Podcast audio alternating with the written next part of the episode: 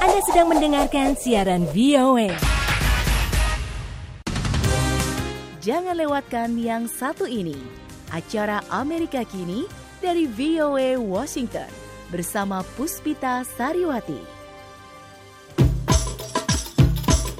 Ketika Rubazai mengunggah video pertamanya di online, pelajar Afghanistan yang bermukim di Belanda itu hanya ingin berbagi dengan para perempuan muslim lainnya bagaimana ia bergaya dengan jilbabnya.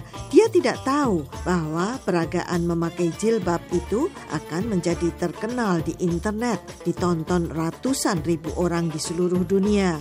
Kini mahasiswa berusia 23 tahun itu menulis di blog penuh waktu berbagi ide bagaimana tampil modis namun tertutup dengan sejuta pengikut Instagram.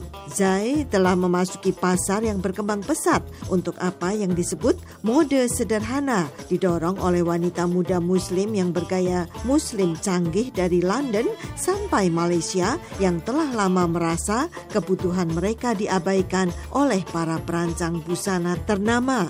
Merek-merek besar telah sadar dengan panggilan itu dan kecantikan yang ditutupi itu perlahan-lahan masuk ke arus mode utama dari perancang eksklusif hingga waralaba mode yang cepat.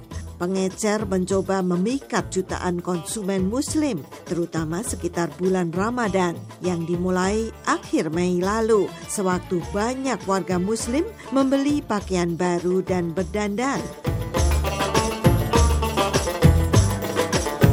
Pada tahun 2014, rumah mode Amerika DKNY adalah salah satu merek barat pertama yang meluncurkan koleksi Ramadan yang ditujukan untuk pembeli orang Arab yang kaya. Sejak itu, beberapa merek lain mengikutinya.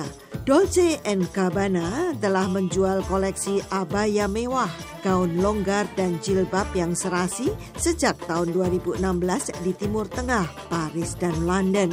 Pada bagian pasar yang lebih terjangkau, perusahaan waralaba Spanyol Mango juga mempromosikan koleksi tunik, kaftan dan maxi bulan Ramadan untuk tahun kedua. Awal tahun ini, Nike menjadi merek utama pertama yang meluncurkan jilbab pro, jilbab yang dibuat dengan kain berteknologi tinggi yang ditujukan untuk atlet perempuan muslim.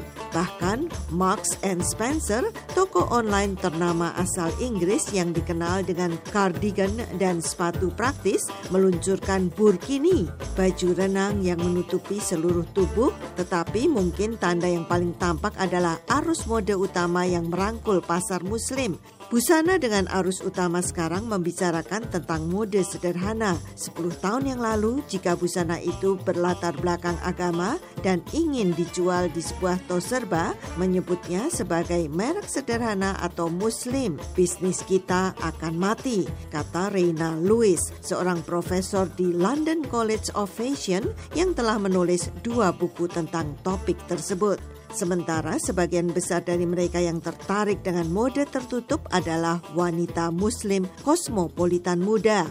Istilah kesederhanaan muncul di celah pasar sebagai sesuatu yang berguna karena tidak spesifik terkait dengan keyakinan, tambah Louis.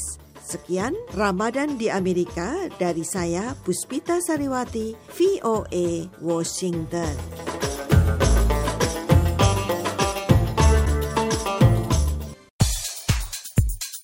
Inilah VOA, Voice of America langsung dari Washington.